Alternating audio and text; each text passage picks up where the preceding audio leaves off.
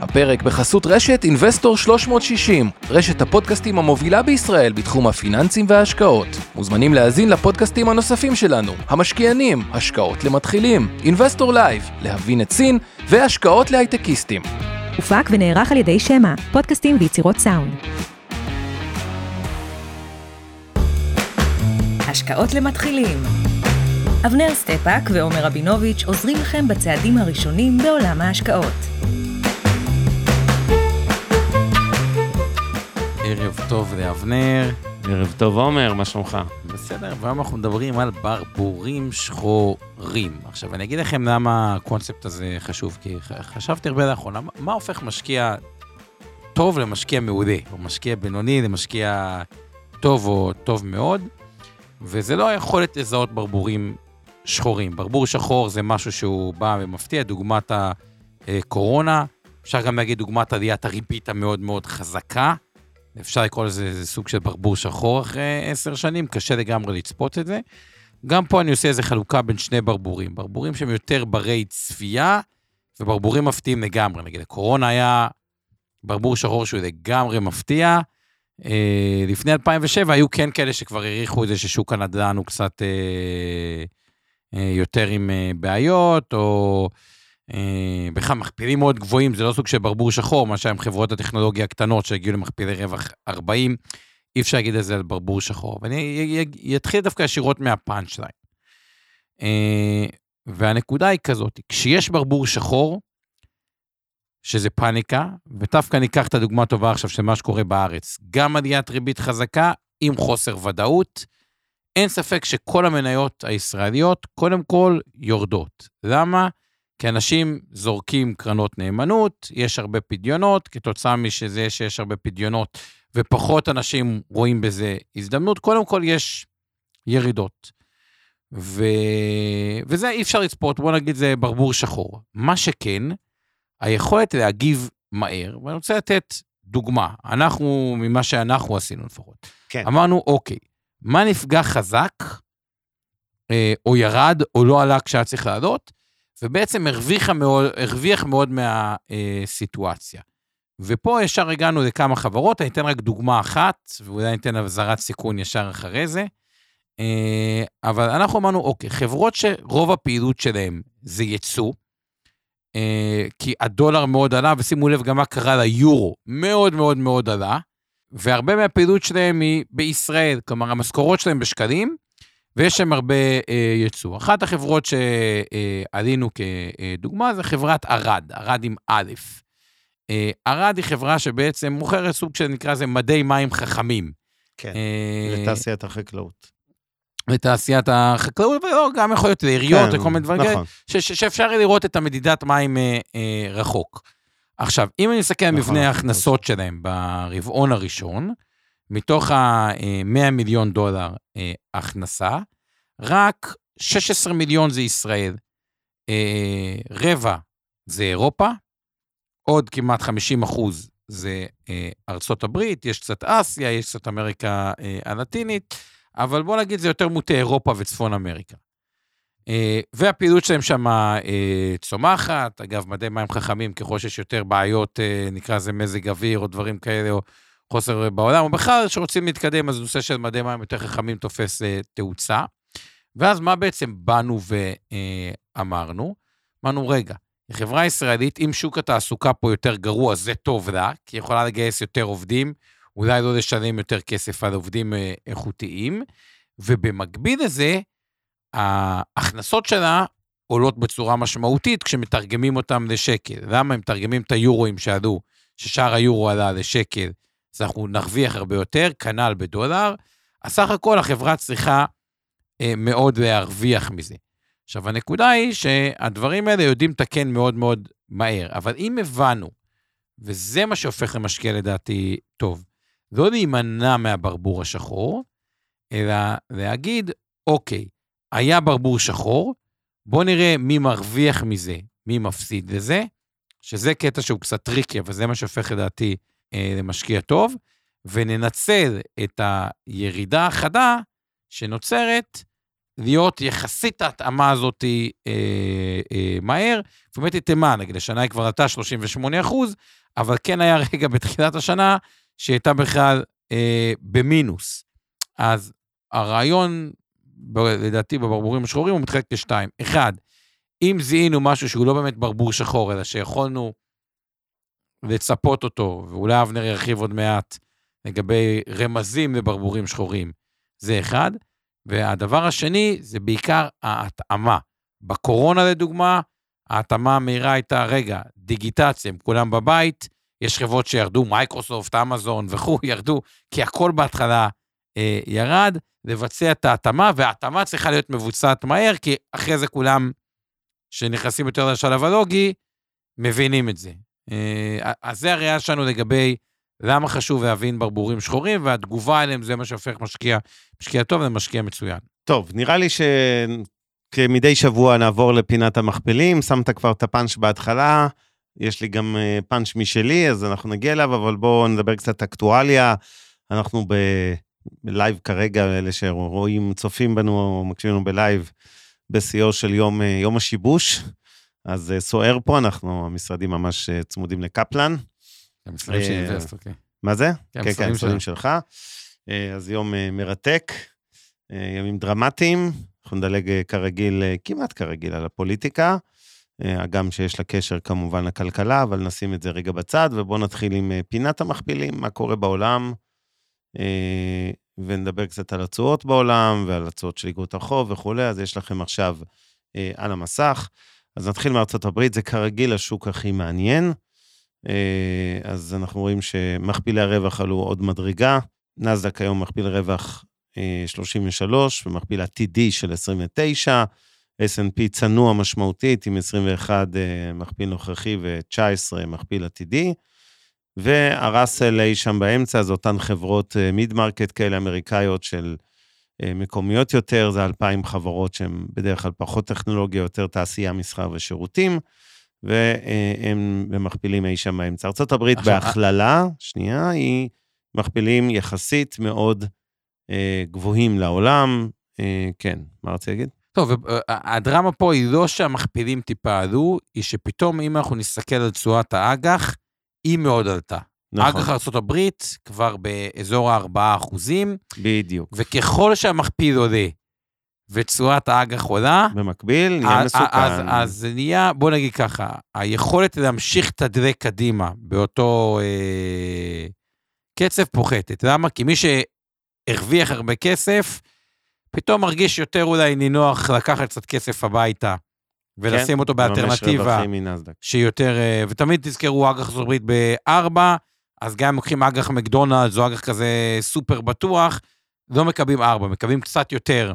מארבע, אם כי צריך להגיד, הפרמיות סיכון לא כל כך נפתחו, אז לא מקבלים הרבה יותר מהאג"ח הברית לאג"חים שמדורגים מאוד טוב, אבל תמיד אני אומר לפחות חצי אחוז כן, אז האלטרנטיבה פתאום היא ארבע וחצי אחוז, וגם ככל שנראה שהריבית לא תרד מהר, אז גם, ה, נקרא לזה, הפיקדון באזור החמש אה, פלוס אה, דולרי, אה, בארץ אפילו נותנים חלק מהבנקים 6% על הדולר, הוא גם נראה מקום שהוא די נעים לשבת בו כאלטרנטיבה למדדים, וזה רק אומר את הדברים הבא, אם השוק ימשיך לעלות ותשואת האג"ח תמשיך לעלות, זה כבר מקום שבו אני חושב הדלק להמשך העליות ילך ויפחת.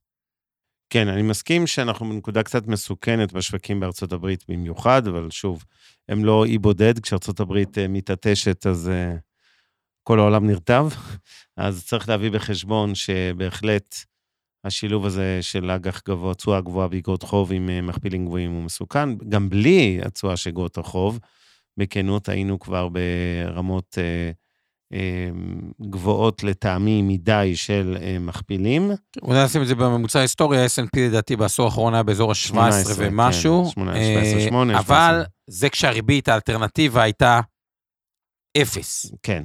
היום, או לא, לא אפס, אג"ח ארצות הברית נגיד היה בשני אחוז. קצת יותר גבוה מהממוצע ההיסטורי, אבל בריבית הרבה יותר גבוהה. בריבית הרבה יותר גבוהה. כן, עכשיו, ואני חייב להעיר משהו סתם מסיפור אישי, הייתה לי שיחה שלשום עם אחד, מה, אחד מהטופ חמש גופים הכי גדולים בארצות הברית, קרן ענקית, עם אחד הבעלים, אחד שהוא גם מנהל בכיר בחברה, ושאלתי אותו ככה איך הוא רואה את המשק האמריקאי, והוא אמר לי, תשמע, קצת מסוכן פה עכשיו, כי אנחנו על הגבול, עוד לא מספיק ברור מה קורה ברמת צמיחה מיתון, זאת אומרת, יש איזה אה, גידול באופטימיות, נקרא לזה, של ה soft landing, והתזה הזו של אה, ארצות הברית ככה נוחתת קצת איטי והכול סבבה ומתאוששת מהר. זה בדרך כלל גם מה שקורה, אבל הוא לא הרגיש מספיק בטוח שזה התסריט. אפרופו הנושא שלנו היום, ברבורים שחורים, דוגמה לברבור שחור, זה שבניגוד לקונסנזוס בהתהוות בימים, בחודשים האחרונים של ארה"ב, כאילו, בסך הכל לכיוון סבבה, שהקונסנזוס הזה כמובן השתקף גם בעליות החדות שראינו בנאזק ו-S&P 500, יכול להיות, חלילה, איזה היפוך מגמה בכלכלה הריאלית, שיביא כמובן לירידה חדה בשוקי המניות. אז זו דוגמה לברבור.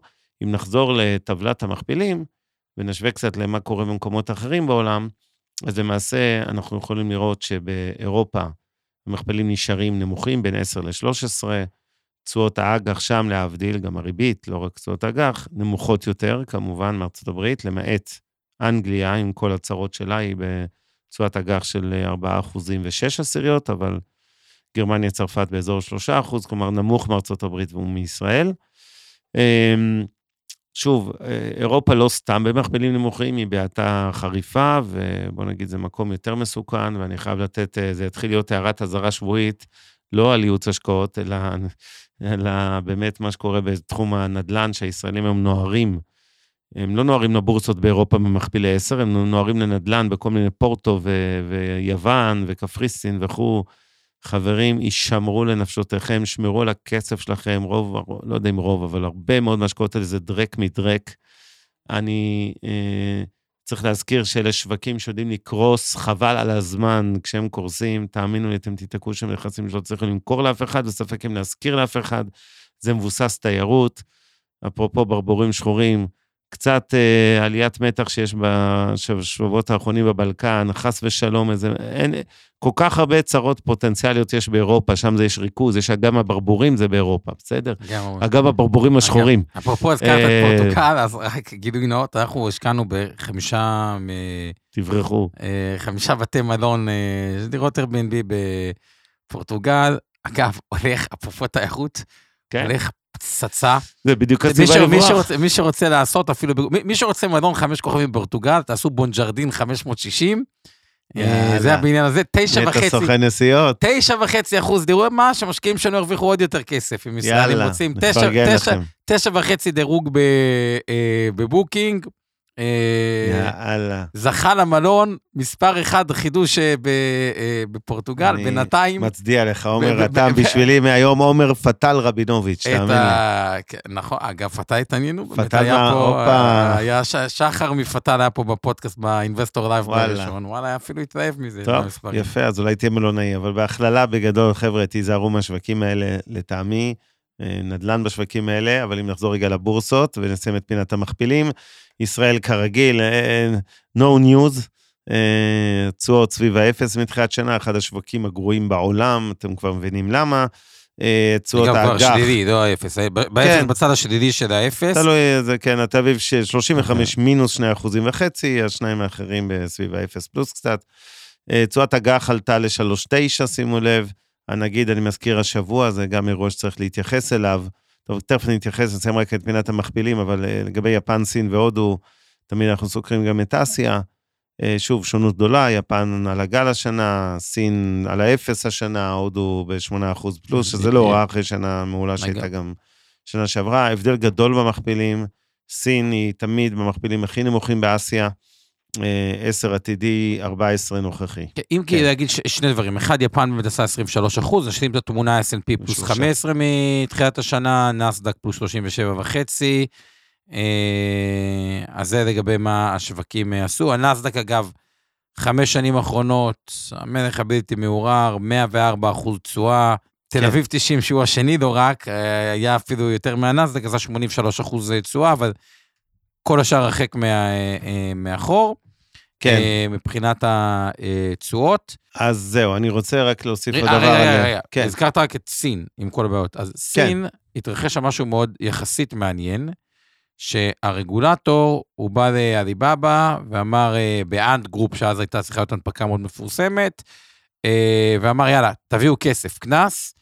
אה, השוק הגיב לזה מאוד יפה, הוא אמר, אוקיי, אם הרגולטור מסתפק בקנסות ויורד מזה, באמת עליבאבא קפצה יחסית יפה, מאזור ה-80 לאזור ה-90, 80 וקצת.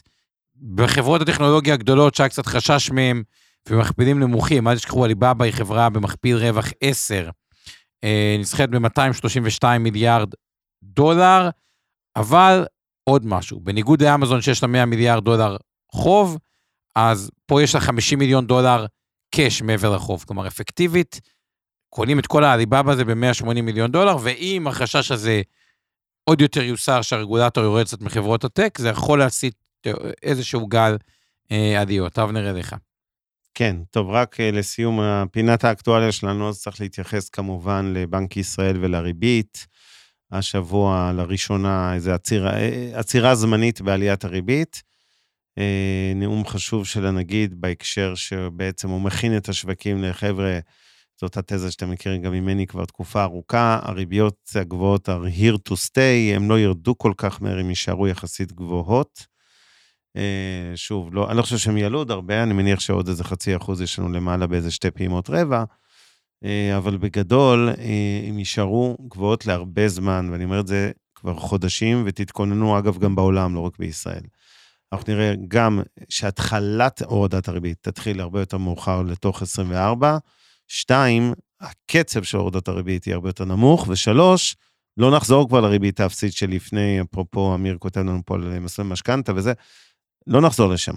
אמ, אנחנו... אז רק הערה אחת לגבי זה, כן. כי אני קצת, כאילו, אני מסכים איתך, אבל, אבל. גם קצת חולק עליך, ואני רק אגיד את האבל. הנגיד, מתוך פוזיציה, כי המטרה שמצנן את השוק, אז מתוך פוזיציה, הם חייבים, לא משנה מה להגיד, אנחנו נהיה זהירים, אנחנו נוריד אה, לאט הריבית. אבל אם אנחנו נסתכל על ההיסטוריה של הורדת ריבית, הקצב הורדה יותר מהר ממה שחשבו, אה, אז, אז צריך גם לא... לא להיות שבויים בתזה שעכשיו נשארת, הריבית פה לתמיד וגבוהה וכו' וכו' וכו', כי לא, לא, לא, לא הייתי לוקח את זה ישר כתזה, את מה שאבנר אה, אומר, אלא צריך לבחון את הדברים. כשמתחיל משבר, מהר מאוד מורידים. את הריבית יותר מהר ממה ש... אם זה משבר, אני א', לא כזה פסימי על משבר, אני יותר פסימי על גובה הריבית, גם בגלל מחלת האינפלציה, שהיא אמנם בעיקרון מאחורינו, אבל החשש תמיד יהיה, אפרופו ברבורים שחורים, מחזרתה, ותכף ניתן דוגמאות. אה, אז כן, זה פרמטר שצריך להביא אותו אה, בחשבון. אני אגיד גם עוד דבר שקורה בחודשים האחרונים בקצב הולך וגדל.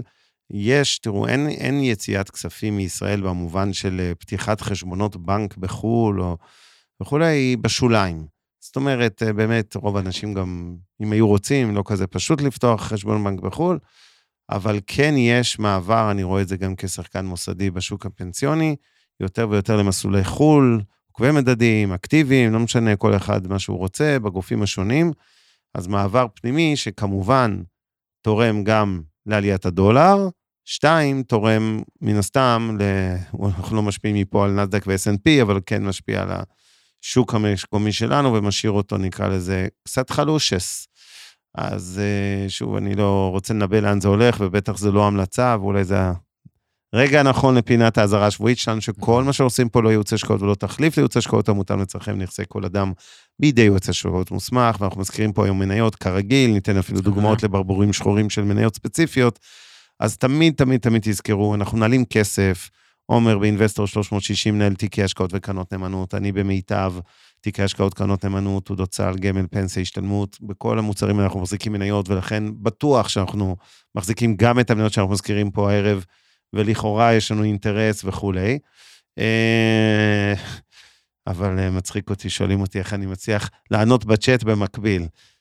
אה, לא לדאוג, multitask קוראים לזה.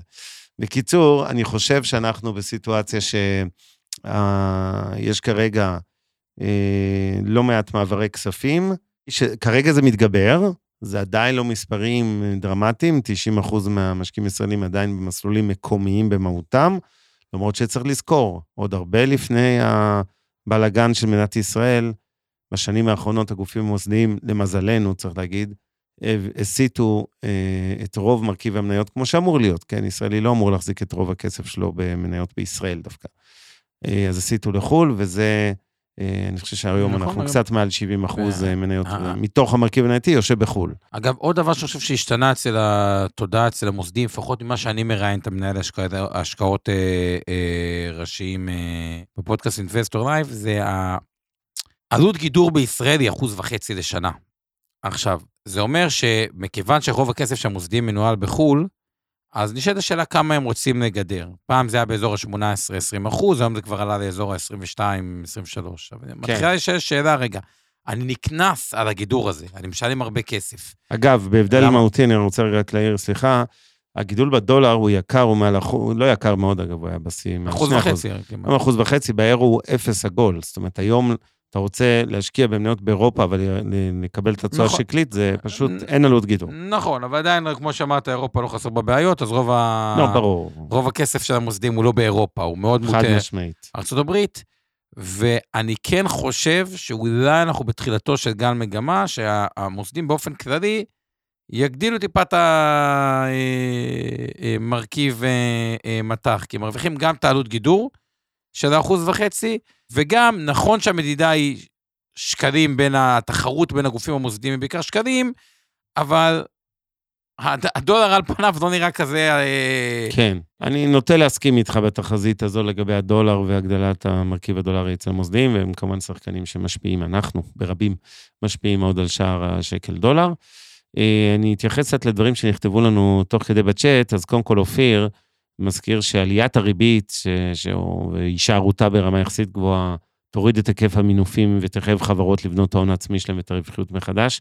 הערה מאוד חשובה וחכמה בעיניי, ההערה הזו של אופיר, כי א', אני מסכים איתו, זאת אומרת, אה, במיוחד זה יבלוט לא רק בענף הנדל"ן, בהרבה מאוד ענפים, כולנו, גם אני כחברה ציבורית, מסתכלים היום אחרת, מבינים שנגמר עידן החגיגה של ריבית אפסית וגיוסי אג"חים ב...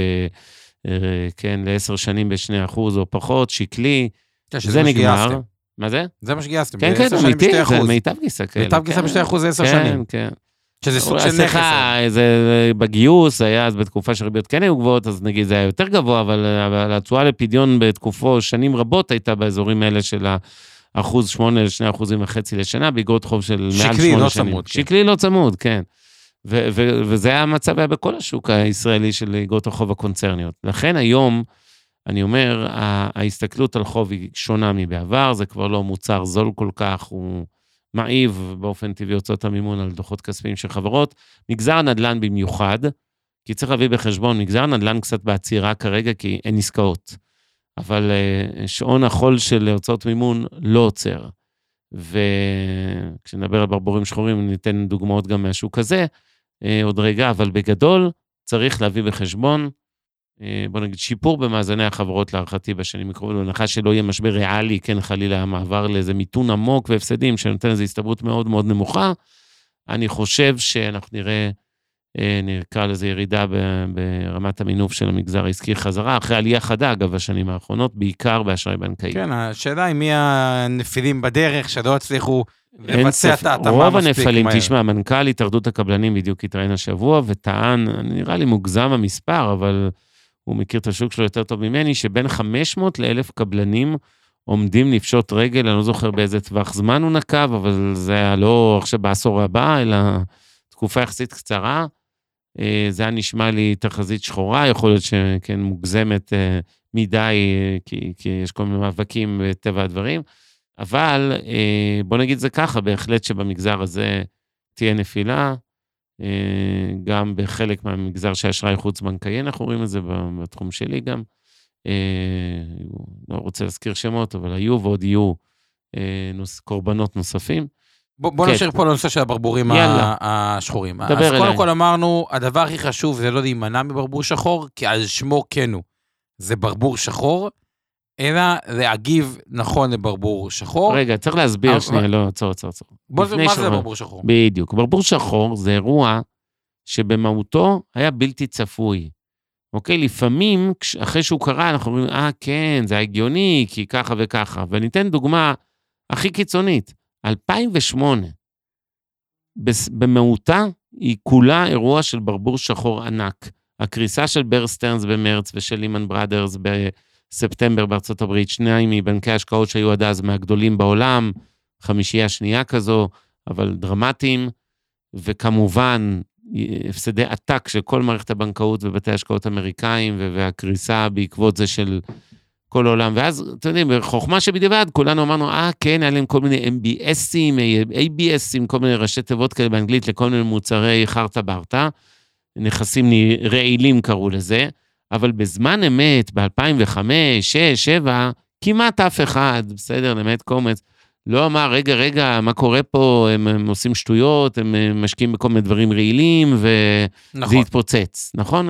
זה, כאילו בדיעבד, זאת אומרת, ברבור שחור זה משהו שמגיע בדרך כלל בהפתעה, אף אחד לא חזה אותו, הרבה פעמים הוא, לרוב הוא לא הופיע בכלל במפת הסיכונים, אפילו של אנליסטים שאומרים, אוקיי, מה ההזדמנויות ומה הסיכונים בשוק מסוים, הם לא חושבים על הדבר הזה, כי הוא בלתי צפוי. לדוגמה, מלחמת רוסיה-אוקראינה, אף אחד לא באמת חשב שזה הולך לקרות, נכון? עכשיו, לגבי מה שאבנר אמר, רק, אני קיבלתי טלפונים אחרי מלחמת רוסיה-אוקראינה מלקוחה, שמעתי, תשמע, איזה חוסר אחריות שלי, הייתי צריכה לצפות את זה יותר טוב. דור, כן. תקשיבי, המטרה קורונה.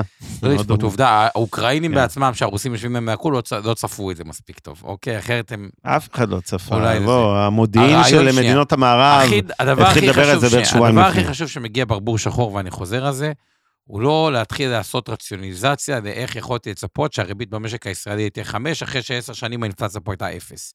נכון. לא, אי אפשר כאילו לצפות. זה כל הרעיון בברבור. זה כל הרעיון בברבור שחור.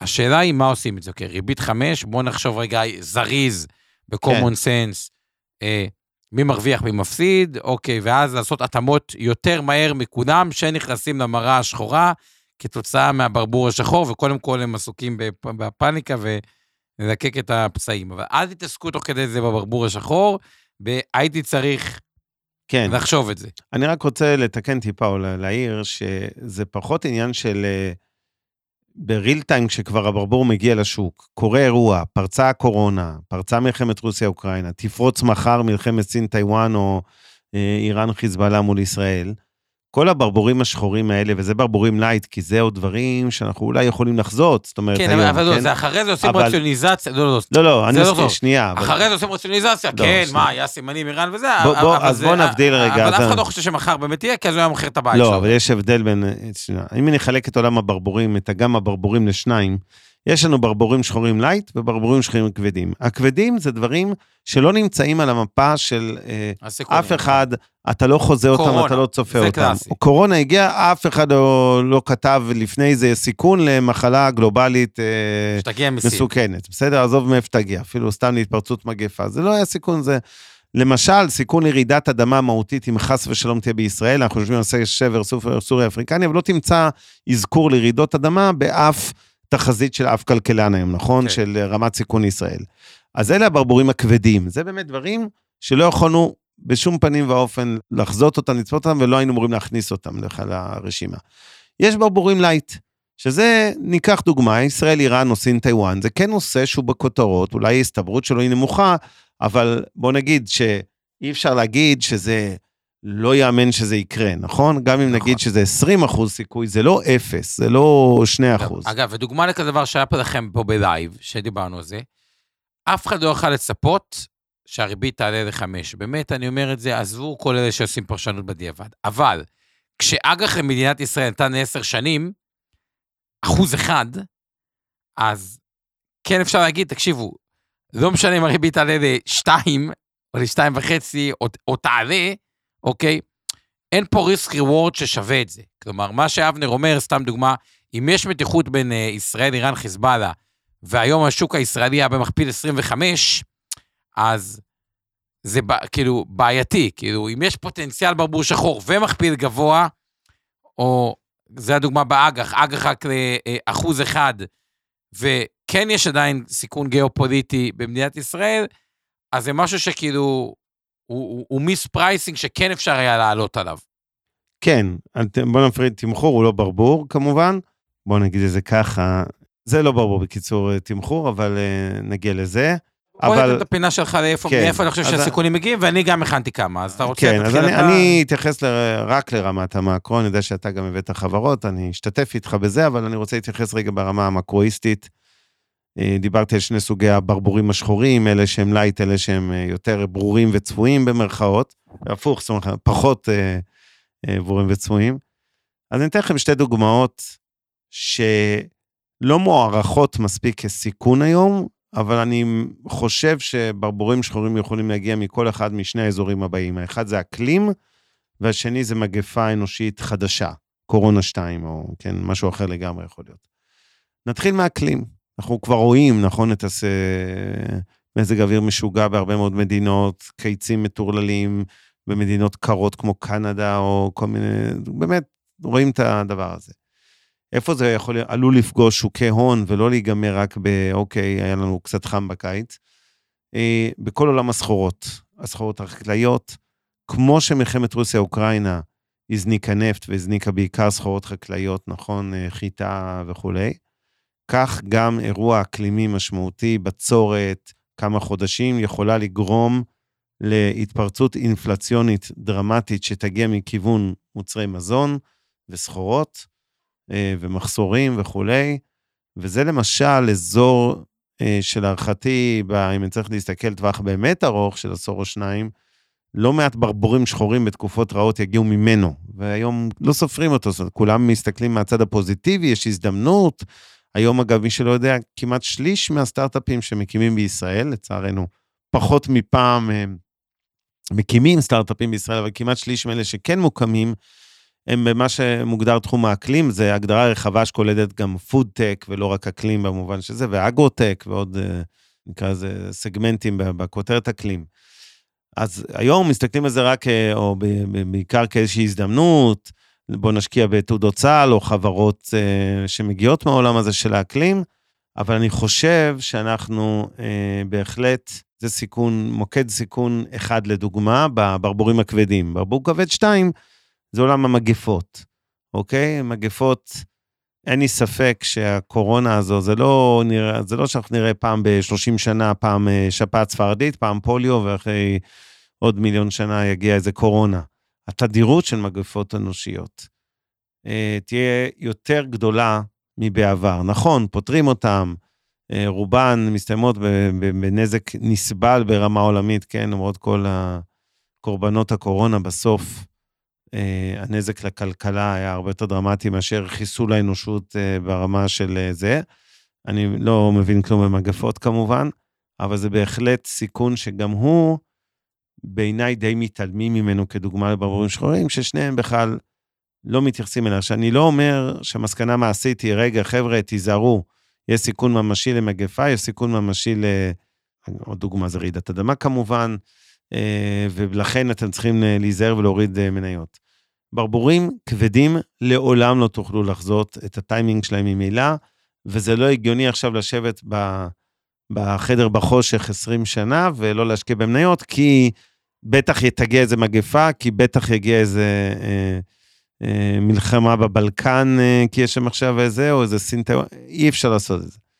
אה, אז אלה הברבורים הכבדים. רציתי להגיד משהו לפני שעובר לברבורים הקלים יותר, הצפויים חלקית יותר?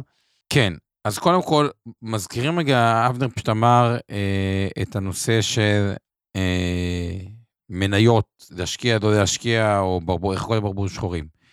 תזכרו דבר אחד, הסיבה הפשוטה, וזה משהו שהזכרתי בפודקאסטים בעבר, אבל לא דיברנו עליו הרבה זמן, הסיבה שמניות עלו, ותמיד יעלו, היא מאוד מאוד פשוטה. וזה שמעמד הביניים הגד... בעולם עדיין גדל בצורה דרמטית. למה אני כל כך מדגיש את זה? תחשבו על זה, מה זה סך ההכנסות של הח- החברות? ובואו, מי שנמצא באפריקה, בכפר, הוא לא קונה נייקי, או, או מקדונלדס, הוא, הוא לא עוזר לצריכה. בסוף, ההכנסה של החברות זה סך ההכנסות ממעמד הביניים. כשמעמד הביניים גדל, אז אני מדבר על מעמד הביניים במובן הרחב שלו, אוקיי? אז סך ההכנסות עולות, זה אומר שהכנסות של חברות עולות, ועל זה תוסיפו אינפלציה, ועל זה תוסיפו פרודקטיביות. כי לחלק יש וואטסאפ, שזה לא עולה כמו אס.אם.אס בשני שקלים שעלה פעם. אז הסיבה המשולבת הזאת, זה מה שגרם ויגרום עדיין למניות תמיד לעלות, כי סך ההכנסות עולות, ותראו כמה אנשים בסין קונים פתאום טסלות או אפל או דברים כאלה, מה שלא היה לפני 30 שנה, שכולם גרו אה, בכפרים. אני אגיד ככה, אני חושב שהברבורים הפחות כבדים, אה, והלא צפויים, אבל הטיפה יותר, נקרא לזה, שנמצאים על הרדאר שלנו כמשקיעים, זה נושאים גיאופוליטיים כמו סין טיוואן, כמו ישראל, איראן, חיזבאללה, שהם לא רק משפיעים על הכלכלה הישראלית במישרין, זה אירועים יותר גלובליים, יש להם השפעה יותר רחבה. כמובן, חלילה גרעין, אם נראה ברוסיה-אוקראינה. אה, זה, זה כבר לא משהו שאנחנו אומרים אין סיכוי שיקרה, בטח לא אחרי שהוא כבר זרק כל מיני, פיזר כל מיני אמירות כאלה בשנה האחרונה, פוטין. אה, כך שבסך הכל, אנחנו בסיטואציה, בעיניי, אה, מאוד מאוד מאוד, אה, בוא נגיד, אלה ברבורים שצריך להביא בחשבון שאחד מהם כנראה יקרה, ועדיין לא צריך להיבהל מזה. זאת אומרת, אה, זה יביא כמובן, כשזה יקרה, לגל ירידות משמעותי. באותו רגע, אפילו למפולות. נתתי את הדוגמאות הגיאופוליטיות, יש גם קצת עכשיו מתיחות בבלקן, אז אני שוב, אני חושב שהסתברות למלחמת יוגוסלביה 2 היא נמוכה, אבל היא לא אפס. עוד סיכון בעולם הברבורים השחורים זה עלייה של משטרים אפלים, יש תהליכים כאלה בכל מיני מדינות בעולם, נתעלם כרגע מישראל, אני לא חושב שאנחנו בסיכון הזה, אבל במקומות אחרים בהחלט זה עלול לקרות, והמשטרים האלה, הסכנה שבהם, הרי לכאורה, אתה יכול להגיד, מה אכפת לי עכשיו שעלה איזה דיקטטור בבלארוס או לא יודע איפה. אכפת, כי האנשים האלה הם מאוד מסוכנים מבחינת ההתנהגות שלהם. חלק מהמדינות שזה קורה בהן, קחו את ונצואלה, שהיא שחקנית ענק בעולם הנפט, למשל, אז זה כן דברים שלא רק משפיעים עכשיו על אה, אזרחי אותה מדינה, אלא יש להם השפעות אה, גלובליות. אה, אלה הדברים היותר כאילו במרכאות טבעיים, נוסיף את סין-הודו, לא רק סין-טיוואן. אה, זה בהחלט דברים שנקרא לזה לא אגיד צפויים, אף אחד מהם לא צפוי, יכול להיות שלכל אחד מהם בנפרד נשים אה, בין חמישה ל-20 אחוזי הסתברות לקרות, אבל ההסתברות שאחד מכל אלה יקרה, ונתתי רשימה של דברים עיקריים, אני בטוח שעם הקהל היינו מגיעים גם ל-20 דוגמאות מהסוג הזה, אה, ההסתברות שאחד מהם יקרה היא כבר פתאום, נגיד בשנתיים שלוש הקרובות, יכולה להגיע ל-50 אחוז או 70 אחוז. זאת אומרת, זה לא בלתי זה. כמובן, אמיר נותן לנו דוגמה קלאסית לברבור אה, ברור, זה החוב המפלצתי של ארצות הברית, כן? זה באדיבות אמיר כרמי. בדיוק, אז הוא, הוא מעביר אותי, הוא, מעביר אותי רגע לנושא של חובות. שהוא ידוע, כן? שזה בהחלט דוגמה לברבורים שחורים, ואני גם אגיד איפה לדעתי. אבל, אירופה. לפני זה רק כדי להשלים את התמונה אה, של המידל קלאס, אולי נשים את זה במספרים. 2020 אה, היה 600 מיליון איש בעולם, שנקרא upper middle class. מה זה upper middle class? רק כדי להבין, בין 50 ל-100 דולר אה, הכנסה ביום. כן. אה, 2030 זה צפוי לגדול למיליארד, שתבינו איזה צמיחה מסיבית זה, זה 80 אחוז צמיחה. אה, ה-lower middle class זה אנשים שמרוויחים בין 11 דולר ל-50 דולר, שהם גם צרכנים, היה 2.9 מיליארד, עולה ל-3.8 מיליארד. אם אני לוקח את שני המספרים האלה ביחד, אנחנו מדברים פה על עוד אה, 1.3 מיליארד אנשים שהולכים להצטרף ל middle class ול upper middle class. אם היום ה middle class וה upper middle class נמצאים ביחד על 3.5 מיליארד והולכים להצטרף עוד 1.5, 1.3 מיליארד, זה עוד אה, 40 אחוז, רגע, 1.3 על... אה, כמה זה 1.3 על 3.5? עוד 40 אחוז, אם משווים את 2030 ל-2020, עוד 40 אחוז זה סך ההכנסות של החברות בעולם. זה מספר דמיוני, וזה התזה המרכזית לגבי ה- ה- למה השוק אמור לצמוח ולצמוח חזק, כל המניות.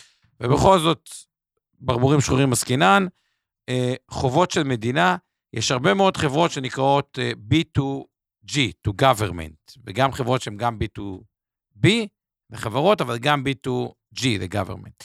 עכשיו, אם אני מסתכל על התמונה שמראה את הנושא של אה, חוב ל-GDP, אז איטליה היא פצצה מתקתקת, אבל בניגוד לארה"ב, 145 אחוז חוב תוצר, גם הברית זה כבר 129 חוב תוצר, שזה מספר מפלצתי. אני זוכר בתקופת ביל קלינטון, זה היה, לא יודע מה, הם, ממש היו בפלוס אה, בגירעון. אז ארה"ב עוד יש בה גם דברים מאוד טובים, אבל בוא נגיד, ככה זה גם מתחיל לייצר בעיה. אה, יוון ב-171, בריטניה ב-100, קנדה ב-113. אה, עכשיו, הדבר הזה, איפשהו, מתישהו, צריך להתבטא במיני ברבור שיקצצו לאנשים בפנסיות התקציביות. יקרה משהו שהוא הוא, הוא, הוא בתור התחלה יחסית דרמה, ובעולם המערבי זה יחסית בולט. והבעיה היא שארה"ב לא יכולה לפשוט רגל, אבל מדינה כמו איטליה, אם היא פושטת רגל, ואין שם מנועים לדעתי שיצילו את המצב שם, נשאלת השאלה מה ההשלכה של זה, מי הנפגעים מזה, וזה עוד נקודת סיכון. כן. עכשיו אני רוצה לקראת uh, סיום, uh, היום אנחנו יותר קצרים, ולפני גם פינה חברתית חשובה, uh, וכמובן נתייחס עוד להערות שלכם פה בצ'אט, שדילגנו על חלקן. אני רוצה כן להתייחס קצת ל... אוקיי, יופי, אז הסברתם לנו מה זה ברבורים שחורים. עכשיו, איך, מה החיסון? מה, מה עושים כנגד זה? הרי לכאורה, כל הפואנטה זה שזה משהו לא צפוי, אז אם לא צפוי, איך אפשר להתכונן אליו? אז התשובה היא שההתכוננות הכי טובה, ההתגוננות הכי טובה, היא ניהול סיכונים אישי. זה חוזר לבייסיקס של איך אתם מנהלים את תיק ההשקעות שלכם. קודם כל, כל אחד אמורה להיות לו רצועת סיכון אישית כזו או אחרת, נמדוד אותה בשם הפשטות במניות. אחד, אדם צעיר שבהכללה הכסף שלו לטווח ארוך, כנראה צריך להיות, לא יודע, בין 70 ל-100 אחוז מניות בעשור או שני עשורים הבאים. אחד אחר צריך להיות בין 30 ל-50 אחוז, אחד אחר, אה, לא יודע, רק 15 אה, או 20 אחוז, כי הוא, לאו דווקא כי הוא לקראת פנסיה, אלא יכול להיות אדם צעיר שעוד רגע קונה דירה ולא יכול להרשות לעצמו מזון עצמי לדירה, והוא לא רוצה אה, לסכן אותו. כל אחד והעניין האישי שלו, זה לא ה... כמובן תעברו ייעוץ אישי וסבבה. עכשיו, זה רצועת הסיכון. כל עוד אתם אה, ברצועת סיכון הנכונה לכם, אתם, התיק ההשקעות שלכם ידע להכיל ברבורים שחורים, אוקיי? כי אם לא הגזמתם במרכיב המניות, והבעיה בישראל היא בדרך כלל הפוכה, אנשים יושבים סולידים מדי, בחסר במניות, no. אין סיבה. בהכללה, אם אנחנו נניח שרוב הברבורים השחורים פוגעים בעיקר בשוקי המניות, הרבה יותר מאשר באג"חים או דברים אחרים, לפעמים אפילו עוזרים לאג"חים. זאת הרבה פעמים יש תהליך שקורה איזה אירוע דרמטי ברבור שחור, המניות קורסות, ואנשים בורחים לאגרות חוב, ודווקא מרוויחים מאגרות החוב כי המחירים שלהם עולים. אז בואו נמקד בשוק המניות, כי שם עיקר הבלגן. בישראל כנראה הברבורים השחורים האלה לא גורמים יותר נזק, כי כאמור אתם מראש במעט מדי מניות, שוב, בהכללה, לא ייעוץ אישי. אה, אבל אה, בארצות הברית זה הרבה יותר, אירועים הרבה יותר דרמטיים. אנחנו זוכרים מה קרה, היסטריה שהייתה סביב הפנסיות של דור אה, נסדק 2008 בארצות הברית. אני חושב שאם עשיתם ניהול סיכונים כללי נכון, אין מה לעשות, מדי פעם אתם תחטפו את הכאפה הזו שנקראת ברבור שחור, יש מחר מגפה חדשה, טפו טפו טפו, הגיע, השמיד הערך, אה, אורלי מזכירת הקורונה שהפיזור לא עלה כי הכל ירד, אולי חוץ מאיזה פייזר, אה, מזכיר לנו אופיר, ועוד איזה כמה מניות ששכחנו את שמם. שכחתי באמת, זאת עם המם, לא מטרנה, מודרנה, כן. אה, באמת כבר נראה היסטוריה רחוקה. אז בגדול זה נכון, בדרך כלל כשיורד גשם כולם נרטבים, כשיש מפולת בשוק בגלל אירוע כזה של ברבור שחור, אין הרבה מקומות, ובטח לא כאלה שיודעים לצפות מראש, אוקיי? יש גידורים שאפשר לעשות לתיק השקעות, כדוגמת זהב, הוא בדרך כלל נוטה לזנק כשיש אה, אירועים כאלה, אבל שוב, זה בקטנה, 2-3 אחוז מהתיק. הוא גם לא מייצר תשואה שוטפת. ובדיוק, ואין עליו איזה תשואה מי יודע מה. אבל בגדול, אני חושב שאין מה להיערך לזה מעבר להיערכות הכללית שלכם בתיקי השקעות, ומה שבעיקר חשוב זה שכבר קורה הברבור השחור, ההתנהגות שלכם בריל טיים תוך כדי המשבר, היא לא פחות חשובה מההתגוננות נכון. הכללית של התיק שלכם מראש. ובאירוע בלייב, קרה האירוע הזה, יש פתאום איזו בצורת מטורללת חצי שנה, והמחירי סחרות מזנקים, והבורסות קורסות, ולא יודע מה קורה. הדבר הזה, שלא יכולתם לצפות, אני אומר שוב, אל תלקו את עצמכם, כמו שאומר אמר קודם, כי לא יכולתם לצפות. אבל אין משבר שלא חולף. לא, שום ברבור לא נשאר באגם יותר מבין ימים לשבועות וגג חודשים. זה לא עכשיו שלוש שנים של ירידות בבורסות, זה לא קורה. לפחות לא קרה.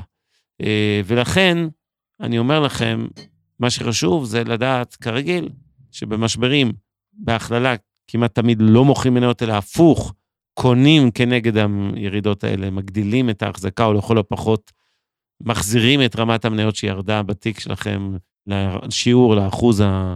שהייתם רוצים להיות בו במסגרת אותה רצועת סיכון. בדרך כלל אלה ההזדמנויות לגדול, ואדם שהוא בין 70 ל-100 אחוז, בדיוק במשברים האלה רוצה להגדיל לכיוון המאה, נגיד אם היום הייתי יושב 80 אחוז, אז במש... ברצועה של 70 ל-100, אז... תרגש אותנו משהו שאנשים... אה, מה? הם יודעים שהרי במשבר אתה צריך להגדיל סיכון. אתה אומר, אתה... יודעים, אבל קשה לעשות, נכון. תשמע, יש פער, אה, קשר. עין יד, נקרא לזה, לא, לא מבוטל. נכון. אז אה, זהו. אם רוצים לסכם את זה, ואז בואו נענה לשאלות של האנשים, אבל אם כן. רוצים לסכם את זה, תזכרו שני דברים. ברבורים שחורים לא ניתן לצפות.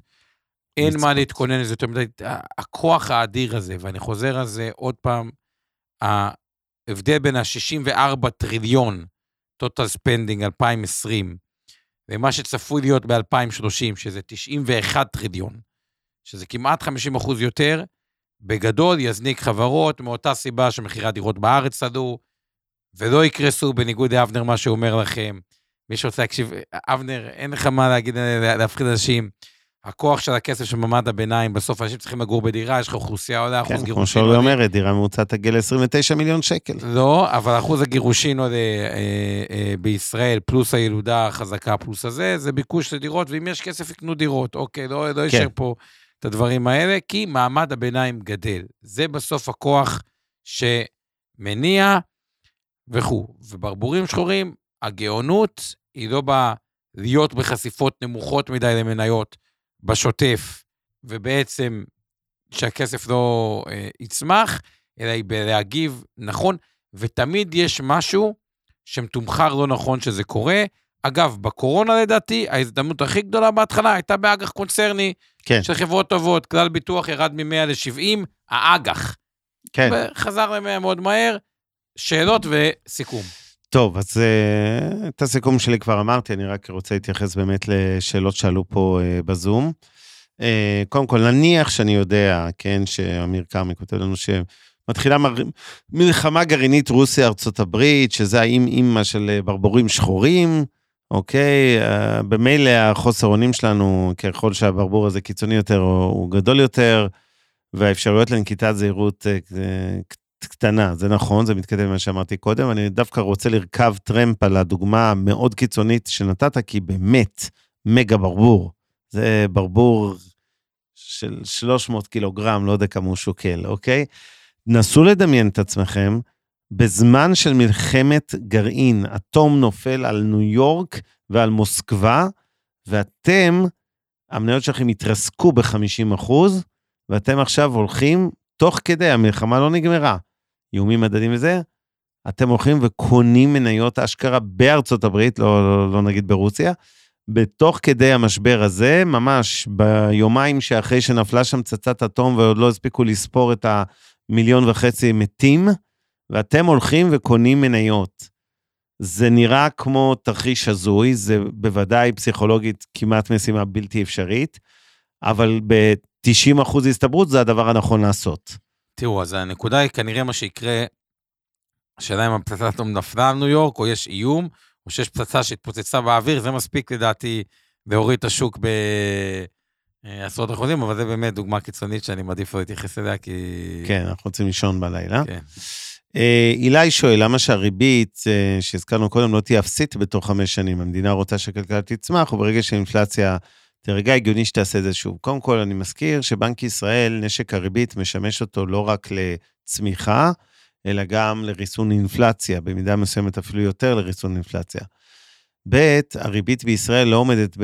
היא לא אי בודד, היא לא עומדת בפני עצמה, היא פונקציה של הריביות בחו"ל. אני אתן דוגמה פשוטה וקיצונית, אם עכשיו הייתם מקבלים 12% על פיקדון בבנק בארצות הברית, כי נניח שהריביות שם היו עולות משמעותית, ואילו בישראל בפיקדון או בקרן כספית הייתם רואים רק 4-5 אחוז, ברור שהרבה מאוד אנשים היו מבריחים מפה כספים לארצות הברית, כלומר, קונים דולרים בדרך, ממירים שקלים לדולרים, יוצרים ביקוש לדולר, מעלים את שער הדולר, ומעבירים את הכסף לפיקדון דולרי, נכון? אז לכן, אי אפשר שיהיה פערי ריביות גדולים מדי בין ישראל לבין אירופה או ארה"ב, וזה, אז אתה יכול לשדרג את השאלה ולהגיד, רגע, אבל בסדר, אותו סיפור שאמרת ישראל, תקף גם ארצות הברית, גם הם לא רוצים מיתון וכולי. אז האינפלציה אמנם נרגעה, אבל אני חושב שמה שראינו פה בעשור האחרון של ריביות האפסיות הוא הלא נורמלי, ולא מה שקורה עכשיו, וכנראה שהנורמלי הוא ריבית של 3% ולא, אה, כן, 5%. אה, אמ, אבל אה, להערכתי לשם נחזור ולא לרמות זה. לגבי כל נושא הדירות, לגבי התזה של עומר על דירה להשקעה בישראל, לא, לא, לא, לא חושבים לא, שזה... רגע. מה? אני נגד דירה להשקעה. לא, בסדר, שואל לא, בן לא אדם, רגע, תקשיב לו, אה, מה אתה אוקיי. ישר נותן לו כאפה? אה, לגבי תזה שאומר על דירה להשקעה, אה, אתם לא חושבים שזה תלוי עסקה ספציפית, כי התזה של שניכם היא כאילו פחות אופטימית או כדאית על השקעה בדירה שנייה שלישית בישראל, למרות הגידול באוכלוסייה. אה, הוא מסתכל על זה כדירה לילדים, כן, לא ממש השקעה רגילה. אה, אה, אני, אני רק אגיד שבעיניי, כרגע, עם רמת הריביות המטורללת במשכנתות, עם רמת המיסוי המטורלל על דירה שנייה ומעלה, על- אני מדבר על מס רכישה וכולי, עלויות קנייה, לא הייתי מעז לקנות, אה, או לא הייתי מתקרב לדירות. אני חייב להתערב, אה, כן, כמובן. עוד רגע אתה תגיד את כל זה, סבבה, תקיא את זה, אני לא הייתי עושה את זה. אה, וכן, אני חושב שזה לא תלוי עסקה ספציפית, זה אני בטוח. זאת אומרת, יכול להיות שאני טועה בתזה שלי, בסדר? נניח שאני מגזים בהערכה שלי שמחירי דירות ירדו. אגב, גם אם הם לא ירדו, מספיק שהמשכנתה תרד בחזרה באיזה 2%, שזה בערך, ה- תלוי מאיזה נקודה בודקים את העלייה, אתם מבינים שזה 2% על משכנתה ממוצעת של 950 אלף שקל ל-30 שנה, זה הפרש של כמעט רבע מיליון שקל במחיר הדירה תכלס, במונחי מזומן. זאת אומרת, גם אם תגידו שמחירי הדירות לא ירדו בכלל, אבל הריביות על משכנתאות כן ירדו חזרה, נניח בעוד שנה, שנתיים, אז התשובה היא שרק על זה אתם יכולים לחסוך לפעמים מאות אלפי שקלים. אבל מעבר לזה, אני אגיד, במשהו אחד אני בטוח. שוק הנדל"ן זה לא תלוי עסקה ספציפית, לא בנדל"ן מגורים במדינת ישראל. בארצות הברית אפשר להתווכח, יש 600 תתי שווקים ויש הבדל, אתם יכולים להרוויח כסף בדירה באורלנדו ולהפסיד במיאמי, שלא לדבר על קליפורניה ואזורים אחרים, כלומר באמת הם מתנהגים אחרת. פה בישראל, כשיורד גשם כולם נרטבים, אם תסתכלו היסטורית על גרפים, אני הסתכלתי עוד בשנות ה-90 על דירות לבאר שבע שהפכו להיות להיט להשקעה, זה פשוט מתנהג בצורה קורלציה מאוד גבוהה, בדרך כלל אזורי ביקוש כמו תל אביב, רמת גן, גבעתיים, קריית אונו וכו', מובילים את העליות, אבל הם גם מובילים את הירידות כששוק מתהפך, אוקיי? ו- ולא יהיה מצב שאתם תפסידו בבת ים, עזבו בת ים, ניקח פריפריה גיאוגרפית רחוקה יותר, בית שאן, דימונה, מקומות כאלה שמשקיעים, אתם לא אה, תפסידו שם ותרוויחו בתל אביב או הפוך, זה רק שאלה של כמה תפסידו או תרוויחו בכל מקום, אבל לא יהיה פערים גדולים מאוד אה, בין השווקים. כן. אני רק אומר, אה, כדי מינימום נזק לאנשים לא. מהרתעת הדירות שלך. חבר'ה, דירה ראשונה, תצמדו לשוק הנדל"ן, כי הדירה השנייה זה שדרוג דירה, והיא תמיד יותר יקרה, ולכן זו פעולה שהיא גידורית באופייה. לגבי דירה להשקעה עם 8% מס רכישה, זה כבר דיון ארוך והרבה יותר מורכב.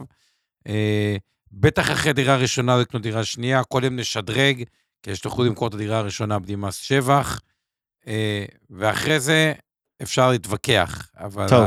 החלק הראשון, קומץ הערות אחרונות ופינה חברתית יאללה. חשובה מאוד, אז לי ככה. לא על ה- אה, שואלים אותנו כאן לגבי אה, כל נושא עלויות הגידור, דיברנו על זה מוקדם יותר הערב, הגידור ביורו, גידור בדולר. שבדולר זה כאחוז וחצי כרגע, והגידור ביורו הוא אפס. שואל מישהו למה עלות הגידור היא אפסית, או בהכללה ממה היא נגזרת. שוב, עלות הגידור זה פרמטר שמשתנה, יש מצבים אפילו של עלות שלילית, כלומר, אתם מגדרים ומקבלים אפילו נכון. תוספת תשואה, נניח השקעתם במניה ביורו, היו תקופות שהייתם מקבלים, יכולים להמיר את זה אפקטיבית לשקלים, ו- ולקבל את התשואה פלוס איזה חצי אחוז. אבל לרוב הזמן זה נע בין 0 לנגיד 2 אחוז, עלות הגידור, גם בדולר, גם ביורו. אמ, זה משתנה כל הזמן, אה, ברמה, לא אגיד שבועית, אבל בטח אה, חודשית. אה, ופשוט צריך לקחת את זה כנתון. אה, ממה זה נגזר, זה חישוב מורכב בעולמות של אופציות וחוזים עתידיים. אה, פונקציה של הרבה פרמטרים, זה לא כל כך חשוב, אתם צריכים לקחת את זה כנתון, כמו שאתם לוקחים עמלה שאתם קונים מניה.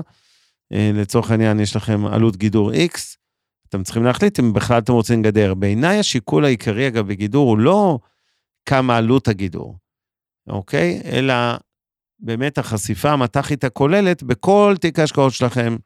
כי אם לדוגמה, יש לכם חשיפה דולרית של נניח 50 אחוז בתיק, כי אתם משקיעים המון בנסדק ו-S&P ואג"חים בחו"ל בצמודי דולר, שזה בעיניי גדול מדי, גבוה, חשיפה מט"חית גבוהה מדי, אז הייתי מגדר גם כשעלות היא אחוז וחצי, כמו היום, שזה לא נמוך, הייתי מגדר את זה, לפחות חלקית, לא יודע, נניח 20 אחוז ונשאר עם 30 חשיפה דולרית, כי מרגיש לי ש-50 אחוז זה קצת יותר מדי למטבע הספציפי הזה. אגב, מי שרוצה כל הגידורים, מה עם אה, גיא מני, מנהל השקעות הראשי התותח של מיטב, תודה על הפרגון. וניר תואף, גם בתחום הנדל"ן, גם תותח. אה, אבל גיא מני, מי שראה ב Investor Live, תחפשו את הקטע של גיא מני, היה שם שתי דברים. אחד, הוא שני. הסביר, שני דברים. אחד, הוא הסביר את כל הקטע של איך עושים את ה-S&P החכם עם המרוויחים אפילו מגידור הפוך. כלומר, למה ה-S&P בקופות גמל להשקעה, slash בתיקון 190 מחלקי S&P, אמור לעשות אפילו במקרים מסוימים יותר מלקנות תעודת סל על ה-S&P, כי יש בהמון פורומים, אה, והמון פודקאסטים ובעיקר פורומים כאלה, תפתחו חשבון במיטב, טאפ טרייד, תקנו S&P לכל החיים, אה, טוב. ואל תיגעו בו. אז יש, יש איזה נושא של גידור, שווה לראות את זה, וגם אפרופו יש מכשירים, אה, אני אזכיר את מיטב כי זה היחידי שאני מכיר פשוט, אז המיטב, בגמל פסיבי שהוא... אני שם את הטמי האוזניים שלי כן, מקפלן. כן. בסדר. שבמסלול הפסיבי הוא מחכה היום, הוא די מושקע בנסדק, גם זה אפשר לשמוע בפודקאסט, רק שקלי. כלומר, לכל דבר אתם יכולים לעשות איזה כן. חשיפה שאתם רוצים, בואו נמשיך. שלוש הערות אחרונות זריזות. בנקים למשכנתאות מציעים היום דוחפים יחסית את המסלול של ריבית משתנה כל חמש שנים, יש גם צמודה למדד וגם לא צמודה, אה, שהעוגן הוא בדרך כלל מרווח מעל האג"ח של ממשלת ישראל.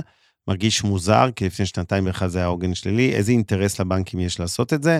שוב, הבנק חי ממרווחים, אז אין בעיה, הוא לא... הוא מגדר את עצמו, אפרופו גידור, כן, והוא לא, הוא דואג להתכסות איפה שהוא צריך להתכסות, למשל במסלול אה, משתנה צמודה כל חמש שנים, אז הוא יתכסה בעצמו, אה, וחי מהמרווח, זה אחד. הערה שנייה מהשלוש, אה, זו אה, שהמעבר הפטאלי בפנסיות למסלולי חו"ל כאלה, S&P, נאזק וזה, לא מזכיר לכם את הכלל, את האמירה הזו של אה, אולי אנחנו, ב- כן, כשהנהג מונית מתחיל להמליץ לכם למניות, זה הזמן לברוח. אז שוב, אנחנו כנראה לא נשפיע על אה, ירידות או עליות אה, כן, בנסדק או ב-S&P, אבל יש משהו קשר. בהתנהגות תדר הזו שהוא צודק, שזה כאילו מתחיל נכון. להיות קצת מוגזם. דבר אחרון, קודם כל המרווחים של הבנקים בשוק המשכנתאות, אמיר, הם נמוכים, נקודה. זאת אומרת, זה שוק, אגב, מכל השווקים הבנקאיים, תדעו לכם ששוק המשכנתאות הוא יחסית שוק תחרותי, הוא היה יותר תחרותי לפני כמה שנים, אבל הוא עדיין תחרותי. זאת אומרת, כשבאים בטענות לבנקים, יש גזרות יותר גרועות ממשכנתה, אה, לרדת על, ה, כן, על הרווחיות המטורפת של הבנקים. עם זה סיימנו. אתה רוצה להגיד משהו אחרון? תמיד- משכנתה שאהוב עליי באופן אישי, את הפריים ל-30 שנה, קל"צ, היום האמת, קבועה לא צמודה. קבועה לא צמודה, האמת היום אין הבדל בין ה-30 שנה ל-20 שנה בריביות, כי הקומו כן. כן. תלוי גם אפשר. והתרגיל שאפשר לעשות, זה ככה טיפ לכל לוקחי המשכנתאות, אה, ותתייעצו מי שיש לו אה, גם יועץ משכנתה או, או את הבדיקות שלכם, במשתנה כל חמש שנים, אם אתם, הבנק בסוף רוצה להגיע לאיזשהו מרווח. אז במשתנה כל חמש שנים הצמודה, תיתנו לבנק טיפה לדפוק אתכם, כאילו מה הכוונה עם אה, מרווח יחסית גבוה, כלומר, שיביא לכם את המחיר הכי טוב על הפריים, על האג"ח, אה, על הפריים ב-30 שנה, את המחיר הכי טוב על הקל"צ, כי זה אפשר לפדות במיידי. כאילו, תיקחו את זה וישר תפדו את זה בלי קנס, ואז צמצמתם כן. את המרווח. מי שבתוך המשכנתאות מבין על מה שנדבר, מי שלא... פיתיון, זה קצת... אה. זה. לא, אז את הפיתיון הזה תיקחו אותו בהרבה, יורידו לכם את המרווחים בשאר הדברים ותפדו אותו במיידי, או שבסוף לא תיקחו אותו. יש איזה תרגיל, כל אחד יתייעץ עם יועץ המשכנתה שלו, המתכנן פיננסי שלו. אה, מתכננים שמבינים בזה. נראה לי סיימנו, אבנר. רגע, יש לנו פינה אוקיי. חברתית, חברים. חברתית, חברתית. אנחנו לא נוותר. אני חייב לספר סיפור קצר מכל ההפגנות האלה, וזה מסר מעניין.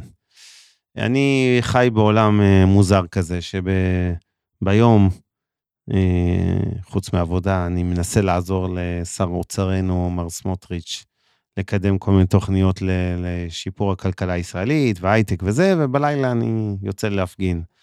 ואפילו ישבתי איתו כמה שעות, ואז הוא אמר לי, תשמע, על המסמכים האלה שאתה מכין לי, תעשה לי טובה, סטפאק, אל תעבוד בשבת, ואל תעבוד לפני הנאומים שלך במוצ"ש, כי הוא יודע שאני נואם נגדו כל מוצ"ש, לא נגדו, נגד ממשלתו.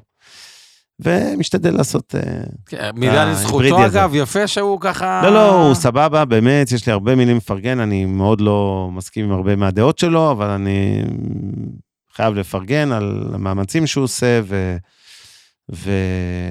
ובחור רציני, יסודי, לומד מהר וכולי. ואני מקווה שנצליח. אבל תוך כדי זה, אתם יודעים, אנחנו נתקלים, אה, השיח האלים ברשתות, שכולנו חלק ממנו, גם אני אגב.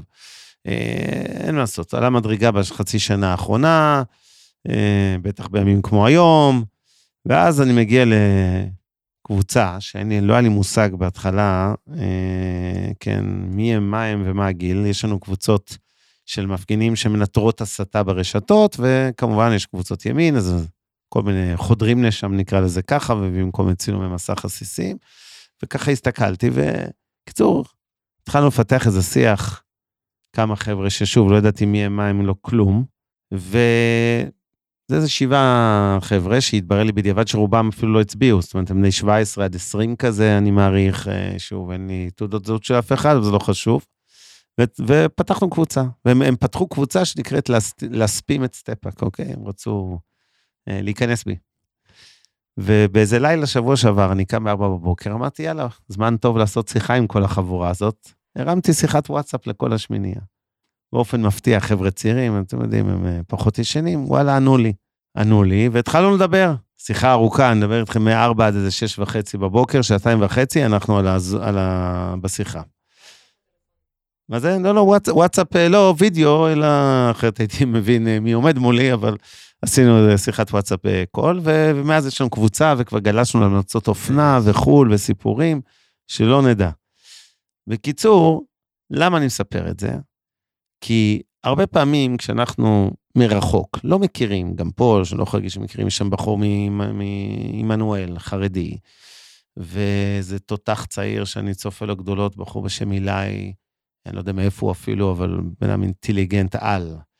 עכשיו, הם כביכול כולם, לא בצד השני שלי, הכי רחוק שיש, בסדר? בדעות, 180 מעלות נקרא לזה. בקיצור, את...